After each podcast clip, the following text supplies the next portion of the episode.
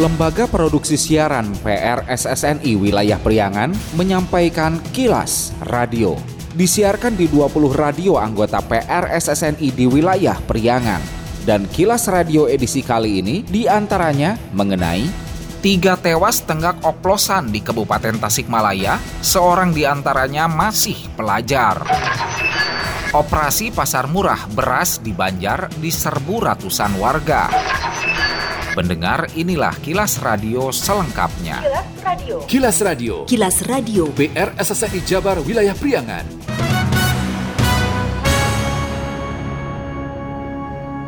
Satuan Reserse Kriminal Satreskrim Polres Ciamis berhasil mengamankan tiga pelaku tindak pidana pencurian sepeda motor curanmor di wilayahnya. Ketiga pelaku adalah residivis kasus yang sama. Selain amankan pelaku, polisi juga berhasil mengamankan barang bukti berupa 12 unit sepeda motor dan kunci T beserta 6 mata kunci. Kapolres Ciamis AKBP Akmal saat rilis kasus pekan lalu mengatakan para pelaku yang beroperasi di Ciamis, Kota Banjar, dan Pangandaran itu diamankan 29 Januari silam. Modusnya merusak stop kontak kunci motor menggunakan kunci T atau astag target kendaraan yang sedang parkir. Barang bukti 12 unit kendaraan bermotor kedua. TKP-nya sendiri di awal kejadian ini yaitu di Dusun Wanayasa, Dusun Cibadak, Kecamatan Banjarsari pada tanggal 25 Januari 2024. Jadi korban motornya sejenak dari halaman rumah masuk ke dalam tidak lama kemudian kendaraannya sudah tidak di tempat Akmal menambahkan pelaku dua berinisial AW usia 28 tahun dan MJ 23 tahun berperan sebagai pemetik atau pencuri langsung ditangkap di wilayah Kota Banjar 29 Januari silam. Seorang lagi adalah penadah barang curian inisial UU usia 45 tahun. Ketiga pelaku dijerat pasal 363 KUH pidana ancaman hukuman maksimal 7 tahun penjara.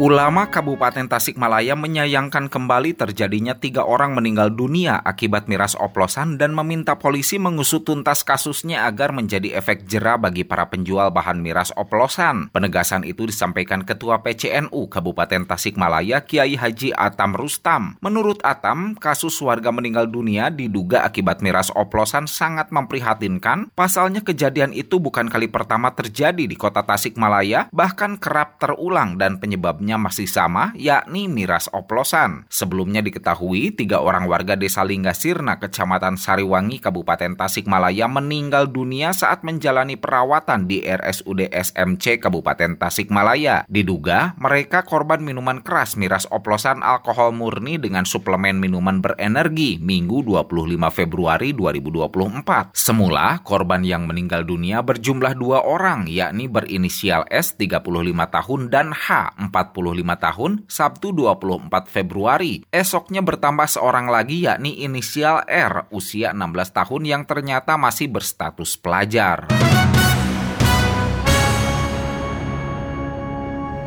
Publik kota Tasikmalaya akhir pekan lalu dihebohkan dengan berita penemuan bayi berjenis kelamin perempuan di sebuah warung kelontong milik Nuriani usia 44 tahun di Kampung Pagar Gunung, Kelurahan Singkup, Kecamatan Purbaratu, kota Tasikmalaya. Polisi berhasil ungkap kasusnya yang ternyata bukan penemuan, namun penelantaran bayi. Diketahui bayi itu adalah hasil hubungan gelap pasangan pelajar SMA. Pelakunya RS 18 tahun yang tak lain merupakan anak lelaki Nuriani yang berpacaran pacaran dengan NN 18 tahun. Kapolsek Ciberem Kota Tasikmalaya AKP Nandang Rohmana menjelaskan, kepada polisi Nuriani bersandiwara seolah-olah menemukan bayi untuk menutupi aib keluarga. Sebelumnya, ada pengakuan Ai Esdiani, anak sulung Nuriani yang menyebut ada perempuan bercadar meninggalkan bayi di warungnya. Keterangan Ai yang datang ke Mapolsek Ciberem itu setelah diselidiki dan berdasar keterangan saksi-saksi banyak ditemukan kejanggalan sehingga berhasil diungkap laporan itu hanya sandiwara.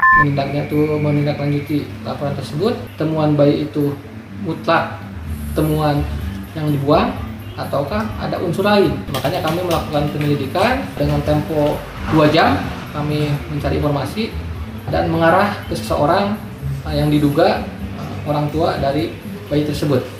AKP Nandang menambahkan kini kasus itu dilimpahkan ke unit PPA Satreskrim Polres Tasikmalaya Kota, sementara bayi dititipkan di RSUD Dr. Soekarjo, Tasikmalaya. Kilas Radio. Kilas Radio. Kilas Radio. PR SSNI Jabar Wilayah Priangan. Musim hujan telah tiba. Waspadai kawasan sekitar Anda yang berpotensi rawan bencana alam, longsor, banjir, angin puting beliung, dan lain-lain. Siagakan diri kita setiap saat, setiap waktu untuk meminimalkan korban jiwa. Tingkatkan siskamling antar warga. Segera komunikasikan dengan pihak terkait bila ada tanda-tanda awal potensi bencana alam.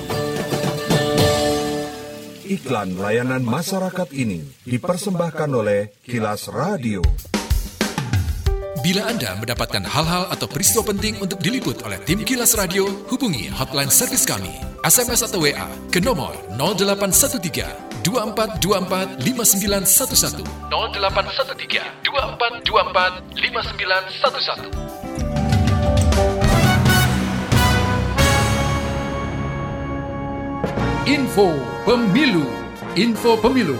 Persembahan PRSSNI Jawa Barat Ratusan orang yang menamakan diri Gerakan Rakyat Penyelamat Demokrasi Tasikmalaya mendatangi kantor penyelenggara pemilu di kota Tasikmalaya. Mereka yang menggeruduk kantor Komisi Pemilihan Umum dan Badan Pengawas Pemilu kota Tasikmalaya itu berorasi dan membawa sejumlah spanduk sebagai bentuk protes terhadap situasi politik saat ini. Nanang Nur Jamil, koordinator aksi menyatakan pihaknya peduli terhadap demokrasi dan keselamatan NKRI dari ancaman disintegrasi bukan dari salah satu capres atau parpol. Nanang menyebut KPU dan Bawaslu seperti diam saja terhadap berbagai dugaan kecurangan pemilu 2024 yang terjadi di lapangan. Mereka menuntut KPU pusat melalui KPU daerah di antaranya membatalkan hasil pemilu 2024 karena diduga cacat hukum serta meminta dugaan kecurangan-kecurangan seperti politik uang dapat diproses Bawaslu. Begitu masifnya kecurangan-kecurangan pemilu dari tahapan-tahapan sehingga oleh karena itu menuntut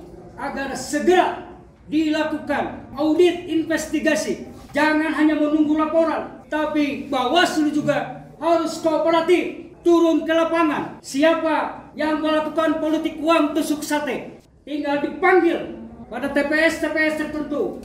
Tanya kepada pemilihnya. Sedangkan saya aja masyarakat biasa sudah menanya beberapa orang warga masyarakat pemilih semua mengakui bahwa mereka mendapatkan uang dari politik politik tusuk sate.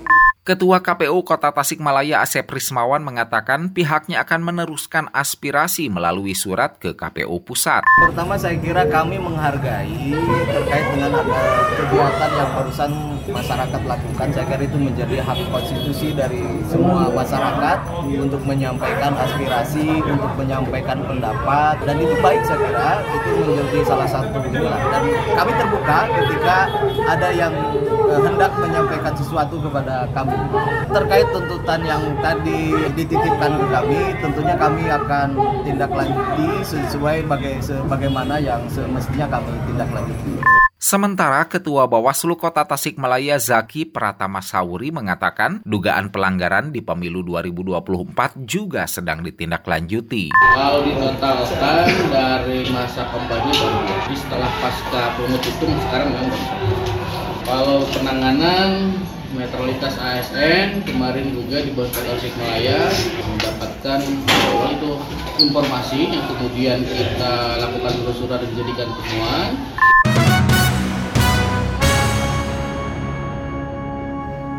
Operasi pasar murah di Taman Pusdai Kota Banjar Senin 26 Februari pagi dipadati ratusan masyarakat. Mereka rela antri guna membeli beras SPHP. Operasi pasar yang di antaranya dijual beras medium, program stabilitas pangan dan harga pangan SPHP itu sebagai upaya pengendalian harga beras sekaligus digelar dalam rangka memperingati hari jadi ke-21 Kota Banjar. Nur Fatimah, warga Banjar Kolot mengaku senang ada pasar murah lantaran penghasilan suaminya yang hanya Rp50.000 per hari sudah tidak mencukupi jika harus beli beras di pasar yang harganya sudah Rp17.000 per kilogramnya.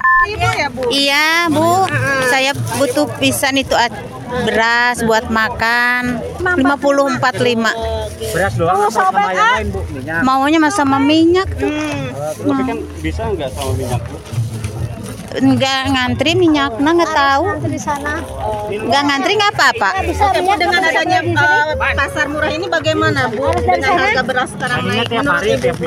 Ini menurut ibu mah harusnya murah gitu. Udah ibu penghasilan anak cuma sedikit. Di pasar berapa? 17. Sampai tujuh belas ribu. Iya. Nggak, bukan Penjabat Wali Kota Banjar Ida Wahidah Hidayati menyebut operasi pasar digelar kerjasama dengan Bulog untuk antisipasi inflasi. Ia berharap harga terjangkau masyarakat bisa membeli beras. mengantisipasi inflasi kemudian juga kita sedang eh, apa eh, operasi pasar ini kita ingin masyarakat bisa mampu membeli beras yang saat ini khusus khusus untuk beras premium dan medium ini kan mahal gitu ya.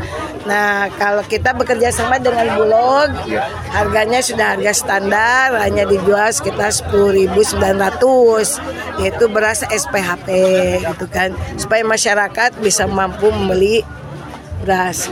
Apalagi ini menjelang Ramadan. Persiapan sendiri ini ada berapa ton Bu untuk disiapkan untuk Kota Banjar sendiri Bu? Saat ini sekitar 4 ton ya Pak Bulog ya. 4 ton Bu, saya Ya. nambahin seton setengah lagi. Ya, jadi lima setengah ton.